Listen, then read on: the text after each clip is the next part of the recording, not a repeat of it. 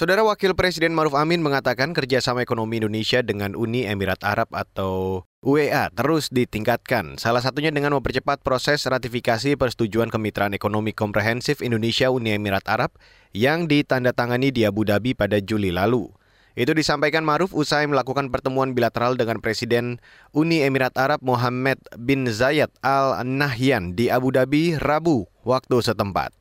Eh, kerjasama di bidang perdagangan, di bidang ekonomi, saya menyampaikan bahwa ratifikasi eh, perjanjian CEPA itu sedang kita sedang melakukan percepatan ratifikasi di Indonesia dan kita harapkan bahwa ratifikasi sudah diselesaikan oleh kedua negara sebelum beliau hadir di Indonesia nanti.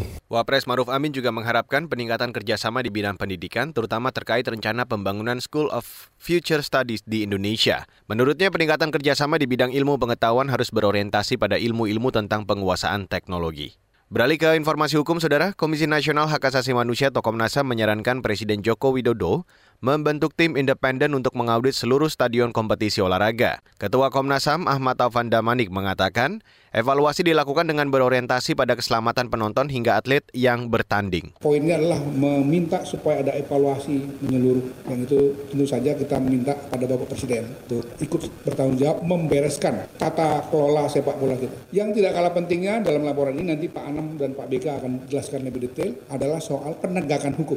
Sudah ada langkah-langkah penegakan hukumnya tapi tapi untuk sementara ini kami merasa bahwa semestinya penegakan hukum juga pada harus sampai pada tingkat atau level yang paling tinggi yang bertanggung jawab terhadap sepak bola. Ketua Komnas HAM Ahmad Taufan Damanik juga merekomendasikan Persatuan Sepak Bola Seluruh Indonesia atau PSSI mengevaluasi seluruh peraturan mereka, mulai dari statuta PSSI, regulasi keselamatan hingga perjanjian kerjasama PSSI dengan berbagai pihak. Taufan menegaskan jangan sampai prinsip komersialisasi lebih diutamakan daripada keselamatan. Saudara Menteri Kesehatan Malaysia Hairi Jamaluddin meminta warga kembali menggunakan masker di keramaian karena kasus COVID-19 melonjak lagi. Kenaikan kasus diduga imbas penyebaran virus corona Omicron subvarian XBB. Dilansir dari CNN, Hairi mengatakan Malaysia masih dalam masa transisi ke fase endemi, sehingga gelombang virus akan datang dan pergi. Jumlah kasus juga akan berkurang dan bertambah.